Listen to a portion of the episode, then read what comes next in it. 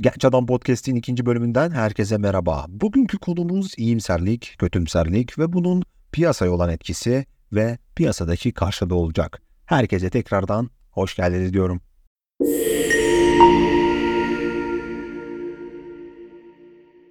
İyimserlik çoğu insan için en iyi seçimdir. Çünkü dünya çoğu insan için çoğu zaman daha iyi olma elindedir. Ancak kötümserliğin kalbimizde her zaman ayrı bir yeri vardır. Kötümserlik iyimserlikten daha yaygındır. Ayrıca kulağa daha akıllıca gelir ve çekiciliği çok daha fazladır. Kötümserlikten önce iyimserliğin ne anlama geldiğini tanımlamamız daha doğru olacak. Gerçek iyimserler her şeyin harika olacağına inanmazlar. Bu halinden memnun olma durumudur. Bu gönül rahatlığıdır. İyimserlik yol boyunca aksilikler çıksa bile iyi sonuç olasılığının zaman içinde sizin lehinize olacağına inanmaktır. İyimserliğin temeli basit bir fikre. Çoğu insanın sabah uyandığında sorun yaratmak yerine her şeyi biraz daha iyi, biraz daha verimli kılmaya çalışmasına dayanır. Karmaşık asla değildir. Garanti hiç değildir. Çoğu insan için çoğu zaman en makul seçim budur. Şimdi iyimserliğin ondan daha zorlayıcı bir yapısı olan öz ve öz kardeşi yani kötümserliğe bir bakalım. Tarih 29 Aralık 2008. Modern tarihin ekonomideki en kötü yılı. Fakat sona ermek üzere. Tüm dünyada hisse senedi piyasaları çökmüş. Küresel finans sistemi her günü yaşam destek ünitesine bağlı geçirmekte. İşsizlik yükselişte. Bundan daha kötüsü olamazmış gibi görünürken The Wall Street Journal henüz hiçbir şey görmediğimizi savunan bir makale yayınladı. Gazetenin birinci sayfasında yayınladığı bu makalede Rus profesör Igor Panarin'in bakış açısı aktarılıyordu. Wall Street Journal şöyle yazıyordu. 2010 yılının Haziran ayı sonunda veya Temmuz başlarında ABD'nin altı parçaya bölüneceğini, böylece Alaska'nın Rus kontrolüne geri döneceğini, Kaliforniya'nın ise kendisinin Kaliforniya Cumhuriyeti dediği yapının çekirdeğini oluşturacağı ve Çin'in bir parçası olacağını veya Çin etkisi altına gireceğini söylüyor. Panarin'e göre Texas, Meksika'ya gidecek ya da Meksika'nın etkisi altına girecek, eyaletlerin oluşturacağı Atlantik Amerikası'nın kalbi olacak. Washington DC, New York, Texas Cumhuriyeti'nin bir parçası olacak ve Avrupa Birliği'ne katılmaları muhtemel. Kanada, Profesör Panarin'in Orta Kuzey Amerika Cumhuriyeti adını verdiği bir grup kuzey eyaletini ele geçirecek. Panarin, Hawaii'nin Japonya veya Çin'in himayesinde olacağını, Alaska'nın da Rusya'ya tabi olacağını öne sürüyor. Bunlar isimsiz bir blokta ya da komplo teorileri üreten bir bültende yer alan saçmalıklar değildi. Dünyanın en prestijli finans gazetesinin birinci sayfasıydı. Ekonomi konusunda kötümser görüşte olabilirsiniz. Kıyamet tellallığı bile sorun değil. Tarih sadece ekonomik durgunluklarla değil, parçalanmış ülkelerin örnekleriyle dolu. Paner'in türü hikayelerin ilginç yanı bunun zıt kutbunda yer alan aşırı iyimser tahminler nadiren kıyamet tellalları kadar ciddi alınır. 1940'ların sonlarındaki Japonya'yı örnek alalım. Ülke her yönde, ekonomik, endüstriyel, sosyal, kültürel, her yönden İkinci Dünya Savaşı yenilgisinin enkazı altındaydı. Unutmayın ki Japonya atom bombası yemiş bir ülke. 1946 yılındaki acımasız kış, kişi başına gıdayı günde 800 kalorinin altıyla sınırlayan müthiş bir kıtlık. Bu dönemde bir Japon akademisinin şöyle bir haber yazdığını düşünelim. Hey millet, doğruluğun ve ayağa kalkın. Bizim ömür süremiz içinde ekonomimiz savaş sonundaki boyutunun 15 katı büyüyecek. Yaşam beklentimiz neredeyse iki katına çıkacak. Hisse senedi piyasamız tarihte bir ülkenin nadiren gördüğü getirileri üretecek. 40 yılı aşkın bir süre işsizliğin %6'ın üzerine çıkılmadığı görülecek. Elektronik inovasyonlarda ve kurumsal yönetim sistemlerinde dünya lideri olacağız. Çok geçmeden o kadar zengin olacağız ki Amerika Birleşik Devletleri'ndeki en değerli gayrimenkullerden bazılarını bir alacağız. Bu arada Amerikalılar en yakın müttefikimiz olacak. Aynı zamanda da ekonomiye dair görüş ve öngörülerimizi kopyalamaya çalışacaklar. Özetle bu akademisyenin söylediklerine kimse itibar etmezdi. Dalga geçilir hatta tıbbi bir değerlendirme bile istenebilirdi. Unutmayalım ki yukarıda yazılanlar savaş sonrası kuşağın Japonya'da gerçekten yaşadığı her şeydi. Ancak Paderi'nin tam tersi bir aynadan bakıyorsanız söyledikleriniz bir kıyamet tahmini için hiçbir zaman söz konusu olmayacak kadar saçma görünüyor. Kötümserlik insanlara iyimserlikten daha akıllıca ve daha olası gelir birine her şeyin harika olacağını söyleyin. Muhtemelen sizi umursamaz veya şüpheyle bak. Fakat tehlikede olduğunu söyleyin. Bütün dikkatiyle sizi dinleyecektir. Akıllı biri bana gelip de gelecek yıl 10 kat değerlenecek bir hisse senedi bildiğini söylese saçmalık der geçerim. Saçma sapan biri bana gelip de hayatım boyunca tanımadığım, hiç görmediğim biri gelip bana dese ki benim elimde bir hissenin muhasebe hilesi çıktığını ve şirketin batmak üzere olduğunu söylese bütün randevularımı iptal eder, ağzından çıkan her sözcüğü can kulağıyla tek tek dinlerim. Diyelim ki büyük bir durgunluk dönemindeyiz ve gazeteler sizi arayıp görüş istedi. Ortalama bir büyümeye doğru gittiğinizi söylerseniz kimsenin umurunda olmazsınız. Yeni bir büyük buhrana yaklaştığımızı söylerseniz televizyona çıkma ihtimaliniz bile var. Buna karşılık iyi zamanların geleceğini veya piyasaların işleyişine devam edecek bir manevra alanı bulduğunuzu anlatırsanız ya da bir şirketin büyük bir potansiyel olduğundan söz ederseniz yorumcuların ve izleyicinin ortak tepkisi sizi ya bir satıcı olarak görmek ya da komik bir şekilde riske karşı kayıtsız biri olarak yorumlamak olur. Matt Ridley, Rasyonel İyimser adlı kitabında şöyle yazıyor. Sürekli çalmakta olan kötümserlik davulu genellikle bütün zafer ışıklarını bastırır. Dünyanın eskisine göre daha iyi gittiğini söylüyorsanız naif ve duyarsız biri olarak tanımlanabilirsiniz. Dünyanın şimdikinden daha iyi gideceğini söylüyorsanız tam bir deli olarak görülürsünüz. Öte yandan ufukta bir felaket gördüğünüzü söylüyorsanız Nobel Barış Ödülü'ne bile layık görülme ihtimaliniz var. Yıllar geçtikçe kötümserliğin moda olan nedenleri değişti. Ancak kötümserlik hep aynı kaldı. Hans Rosling, Olgusallık adlı kitabında soru yönelttiğim insan gruplarının her biri dünyayı olduğundan daha korkutucu bir daha çok şiddet içerdiğini ve daha umutsuz bir yer olduğunu düşünüyor. Kısacası dünyayı olduğundan daha dramatik görüyorlar diye yazıyor. İnsanların ortalama bir ömür süresi boyunca ekonomik büyümeden tıptaki atılımlara, hisse senedi piyasalarındaki kazançlardan toplumsal eşitliğe kadar her konuda ne kadar ilerleme kaydedebileceğine bakınca iyimserliği kötümserlikten daha çok ilgi göreceğini düşünürsünüz. Ama öyle değil. Kötümserliğin zihinsel çekiciliği çok uzun zamandır bilinmekte. John Stuart Mill 1840'larda şöyle yazmış. Başkaları umutsuzluğa düştüğünde umut edenlerin değil, başkaları umut ederken umutsuzluğa kapılan kişilerin geniş bir insan sınıfı tarafından bilgi olarak görüldüğünü, takdir ve hayranlık kazandığını gözlemledim. Soru şu, neden? Ve bu paraya ilişkin düşünce biçimimizi nasıl etkiliyor? Kimsenin çılgın olmadığını bir kez daha tekrarlayalım. Para konularında kötümserliğin baştan çıkarıcı olmasının bazı geçerli sebepleri var. Bunları bilmek kötümserliğin dozunu kaçırıp fazla ileri götürmememize yardımcı olur. Kötümserlik kısmen içgüdüseldir ve kaçınılmazdır. Kayıptan asimetrik kaçınmanın evrimsel bir kalkan olduğunu söylüyor Kahneman. Ve şöyle yazıyor. Doğrudan karşılaştırıldığında veya birbiriyle ağırlıklandırıldığında kayıplar kazançlardan daha büyük görünür. Olumlu ve olumsuz beklentilerin ya da deneyimlerin gücü arasında bu asimetrinin evrimsel bir geçmişi var tehditlere fırsatlardan daha çok önem verip daha hızlı tepki gösteren organizmaların hayatta kalma ve üreme şansı daha yüksektir. Ancak finansal kötümserliğin iyimserliği ve daha kolay, daha yaygın ve daha ikna edici olmasının birkaç nedeni daha var. Birincisi, para her yerdedir. Bu nedenle de kötü bir olay genelde herkesi etkiler ve herkesin dikkatini çeker. Bu başka bir alan. Örneğin bu hava durumu için geçerli değildir. İzmir'i vuran bir kasırga Türkiye'nin %92'si için doğrudan risk durmaz. Ancak ekonominin üzerinde çökecek bir durgunluk siz dahil herkesi tek tek etkileyebilir. Bu yüzden de ilgi gösterirsiniz. Hisse senedi piyasaları gibi özel bir alan için de tamamen geçerlidir. Amerikan hanelerinin yarısından fazlasının doğrudan hisse senedi yatırımı var. Neden Amerika'ya örnek gösterdin diye soracak olursanız Türkiye'deki bu oran oldukça düşük Amerika ile kıyaslanıldığında. O yüzden Amerika üzerinden devam ediyorum. Piyasadaki döngüler ve dalgalanmalar medyada o kadar yoğun bir şekilde yer alıyor ki Dow Jones sanayi ortalaması borsada yatırımı olmayan hane halkı arasında bile en çok izlenen ekonomik barometreymiş. Hisse senetlerinde %1'lik bir yükselişten akşam haberlerinde kısaca söz edilebilir. Buna karşılık %1'lik bir düşüş, kalın puntolu, genellikle de kan kırmızı renkte büyük harflerle duyulur. Asimetriden kaçınmak zordur.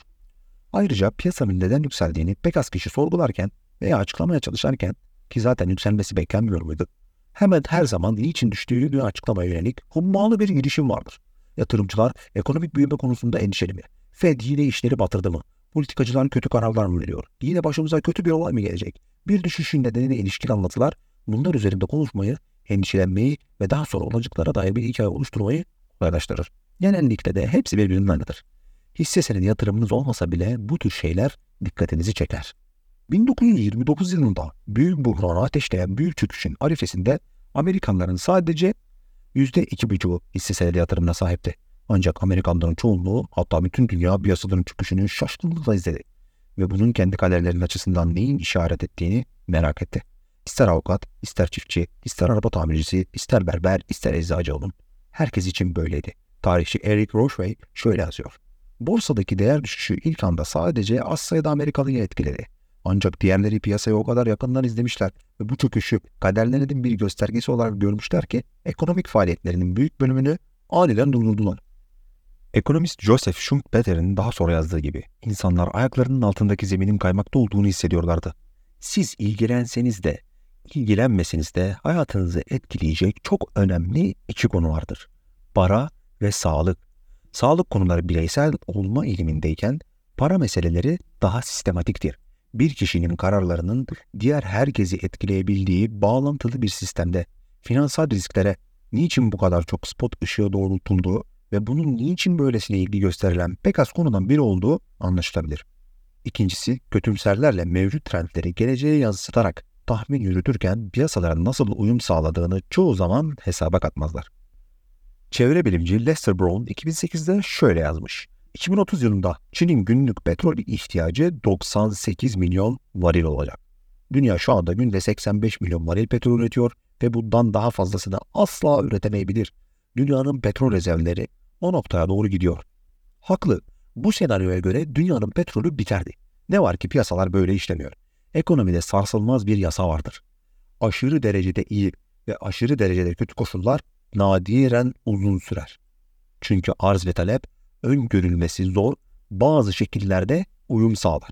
Brown'un yaptığı bu tahminden hemen sonra petrolde neler olduğuna bakalım. Çoğu Çin'den gelen küresel talebin artması ve giderek potansiyel üretim seviyesine ulaşmasıyla birlikte petrol fiyatları 2008 yılında yükseldi. 2001 yılında 20 dolar olan bir varil petrol 2008'de 138 dolara satılıyordu. Bu yeni fiyat seviyesinde petrol çıkarmak topraktan altın çıkartmak kadar değerli oldu. Petrol üreticilerinin karşısındaki teşvikler muazzam değişti. Varil başına 20 dolar fiyatla onca mücadeleye değmeyen petrol kaynakları satılabilecekleri fiyat sondaj maliyetlerini karşılamıyordu bile. Şimdi varili 138 dolarla üreticilere talih kuşu konmuştu. Bu durum hidrolik kırma ve yatay sondaj teknolojilerinde yükselişi getirdi. Dünyanın petrol rezervleri insanlık tarihi boyunca yaklaşık aynı miktarda olmuştur. Ayrıca büyük petrol yataklarının nerelerde olduğunu bir süredir biliyoruz. Değişen şey petrolü yerin altından ekonomik olarak çıkarmamızı sağlayan teknolojidir. Petrol tarihçisi Daniel Yergin şöyle yazıyor. Amerika Birleşik Devletleri'ndeki petrol rezervlerinin %86'sı keşif sırasında gerçekleştirilen tahminlerin değil, teknolojinin gelişmesiyle ortaya çıkan revizyonların sonucudur. Hidrolik kırma teknolojisinin 2008 yılında hayata geçmesiyle birlikte aynen böyle oldu. Yalnızca Amerika Birleşik Devletleri'nin petrol üretimi 2008'de günde yaklaşık 5 milyon varilken 2019'da 13 milyon varile çıktı. Dünya petrol üretimi şu anda günde 100 milyon varilin üstünde. Yani Brown'un öngördüğü en yüksek seviyeyi %20 dolayında aşmış bulunuyor. 2008 yılındaki petrol trendlerini geleceğe yansıtarak tahmin yürüten bir kötümser için elbette ki durum vahimdi. İhtiyacın tüm icatların anası olduğunu anlayan bir gerçekçi içinse o kadar korkutucu da değildi. Çirkin bir şeyin çirkin kalacağını varsaymak kolay bir tahmindir. Ayrıca ikna edicidir. Çünkü dünyanın değiştiğini hayal etmeyi gerektirmez. Ancak sorunlar düzelir ve insanlar uyum sağlar. Tehditler eşit büyüklükteki çözümleri teşvik eder. Bu ekonomi tarihinde düz çizgilerle tahmin yürüten kötümserlerin kolayca unuttuğu yaygın bir hikayedir. Üçüncüsü ilerleme fark edilemeyecek kadar yavaş, aksilikler ise görmezden gelinemeyecek kadar hızlı gerçekleşir. Bir sürü gece yarısı trajedisi vardır. Fakat bir gecede gerçekleşen mucizeler nadiren yaşanır. Detroit Free Press gazetesi 5 Ocak 1889'da yayınladığı bir haberde insanların günün birinde kuşlar gibi uçabileceğine dair uzun zamandır kurulan düşüğü çürüttü ve uçağın imkansız göründüğünü yazdı. Gerekli yakıt ve mühendisleri de hesaba kattığınızda uçan bir makinenin asgari ağırlığı 136-182 kilo arasında olmalıdır. Bunun altında olamaz. Fakat uçma olayında asgari ağırlık sınırı var ve bu da kesinlikle 22,5 kiloyu aşamaz. Bu kilonun üzerine hiçbir hayvan uçamaz. Doğa bu sınıra ulaşmış ve tüm çabalarına rağmen geçermiştir. 6 ay sonra Orville Wright Tamircilikle uğraşan ve evlerin arka bahçesinde bir batma makinesi yapmaya çalışan kardeşi Gülbur'a yardım etmek için liseden ayrıldı. Bu makine Wright kardeşlerin ilk ortak buluşuydu. Fakat sonuncusu olmayacaktı. 20. yüzyılın en önemli icatlarının listesini yapmanız gerekseydi, uçak birinci sırada olmasa bile en azından ilk beşte kesinlikle yer alırdı. Uçak her şeyi değiştirdi. Dünya savaşlarını başlattı, dünya savaşlarını bitirdi. Şehirler ve kırsal topluluklar arasında, okyanuslar ve ülkeler arasında köprü işlevi görecek dünyayı birbirine bağladı. Ancak Wright kardeşlerin ilk uçağı icat etme arayışının son derece ilginç bir yönü vardı. Uçmayı başardıkları halde kimse bunu fark etmemiş gibiydi. Kimse umursamıyordu sanki. Frederick Lewis Allen, Amerikan tarihini konu alan 1952 tarihli kitabında şöyle yazıyor. Halkın Wright'ların ne yaptığını anlaması birkaç yıl sürdü. İnsanlar uçmanın imkansız olduğuna o kadar inanmışlardı ki Wright kardeşleri 1905 yılında Ohio civarında uçarken görenlerin çoğu bunun önemsiz bir göz yanılsaması olduğu sonucuna vardı. Ta ki Mayıs 1908'de yani Wright'ların ilk uçuşundan yaklaşık 4,5 yıl sonra ne yaptıklarını gözlemlemek için deneyimli muhabirler gönderilinceye kadar. Deneyimli editörler bu muhabirlerin gönderdiği heyecanlı haberlere tamamen güvendiler ve dünya nihayet insanın uçuşunun başarıyla hayata geçirildiği gerçeğine uyandı. İnsanlar uçağın mucizesini anladıktan sonra bile yıllarca hafife aldılar. Önceleri esas olarak askeri bir silah olarak öyle. Sonra zenginlerin oyuncağı olarak bakıldı. Sonra belki de birkaç kişiyi taşımak için kullanılabileceği düşünüldü. Washington Post gazetesi 1909 yılında şöyle yazıyordu. Havada ticari kargo taşımacılığı gibi bir şey asla olmayacak. Taşımacılık sektörü yükünü sabırlı yeryüzünde yavaşça sürüklemeye devam edecek. Bu haberden 5 ay sonra ilk kargo uçağı havalandı. Şimdi uçak konusunda imser düşünme yolunda yıllar süren bu yavaş uyanışı insanların bir şirketin iflası gibi kötümserlik etkilerine ne kadar çabuk ilgi gösterdikleri gerçeğiyle karşılaştık. Ya da büyük bir savaşa ya da bir uçak kazası. Wright'ın uçağıyla ilgili söz edilen ilk şeylerden biri Thomas Selfridge adlı bir teğmenin 1908 yılında gösteri uçuşu sırasında ölmesi oldu. Büyümeyi bilişiklenme yönlendirir ve bu da hep zaman alır. Yıkım ise saniyeler içinde etkisini gösterebilecek tek bir zayıf halka ve bir anında gerçekleşebilecek güven kaybı tarafından yönlendirilir. Kötümserlik etrafında bir anlatı oluşturmak daha kolaydır. Çünkü hikaye oluşturan parçalar genelde taze ve yenidir. İyimser anlatılar insanların unutmaya meyilli olduğu ve parçaları bir araya getirmek için daha fazla çaba harcadığı uzun bir geçmişe ve geçmişteki gelişmelere bakmayı gerektirir. Tıp alanındaki ilerlemeleri düşünelim. Geçen yıla bakmak size pek az şey verir. Herhangi bir 10 yıla baktığınızda da ondan daha iyi bir şey çıkmaz. Ancak son 50 yıla bakmak olağanüstü bir şey gösterecektir. Örneğin Ulusal Sağlık Enstitüsü'ne göre Amerika'daki kalp hastalıklarından yaş itibariyle kişi başına ölüm oranı 1905 yılından bu yana %70'in üzerinde gerilemiş durumda. Kalp hastalığına bağlı ölümlerde %70'lik bir düşüş. Her yıl yaklaşık yarım milyon Amerikalının hayatını kurtarmaya yeter. Atlanta nüfusu kadar insanın her yıl ölümden kurtarıldığını düşünsenize. Ne var ki bu ilerleme çok yavaş gerçekleştiği için terörizm, uçak kazaları veya doğal afetler gibi hızlı ve ani kayıplar kadar dikkat çekmiyor. Her hafta haftada 5 kez bir Katrina kasırgası olabilir. Ve bu son 50 yılda kalp hastalıklarındaki düşüş sayesinde her yıl kurtarılan hayat sayısıyla bir tutulmaz. Aynı şey bir ürünün veya bir şirketin ne kadar önemli olduğunu anlamanın yıllar aldığı, buna karşılık iflasların bir gecede gerçekleşebileceği iş dünyası için de geçerlidir. İtibar oluşturmak bir ömür alırken tek bir e-posta bütün kariyeri bir anda yok edebilir. İyimserliğin güçlü çekimi fark edilmeden geçip giderken kötümserliğin küçük dozu ağırlığını hissettirir. Bu da yatırım yaparken başarının bedelini uzun dönemli büyüme sürecinde oynaklık ve kayıpları belirlemeli ve bunu ödemeye hazır olmalısınız. Bugünlük bu kadar. Beni dinlediğiniz için gerçekten teşekkür ederim. Soru, görüş ve önerileriniz için Instagram adresimden, Twitter adresimden veya açıklamalarda yer alan e-posta adresinden dilediğiniz zaman ulaşabilirsiniz. Bir sonraki bölümde görüşmek üzere.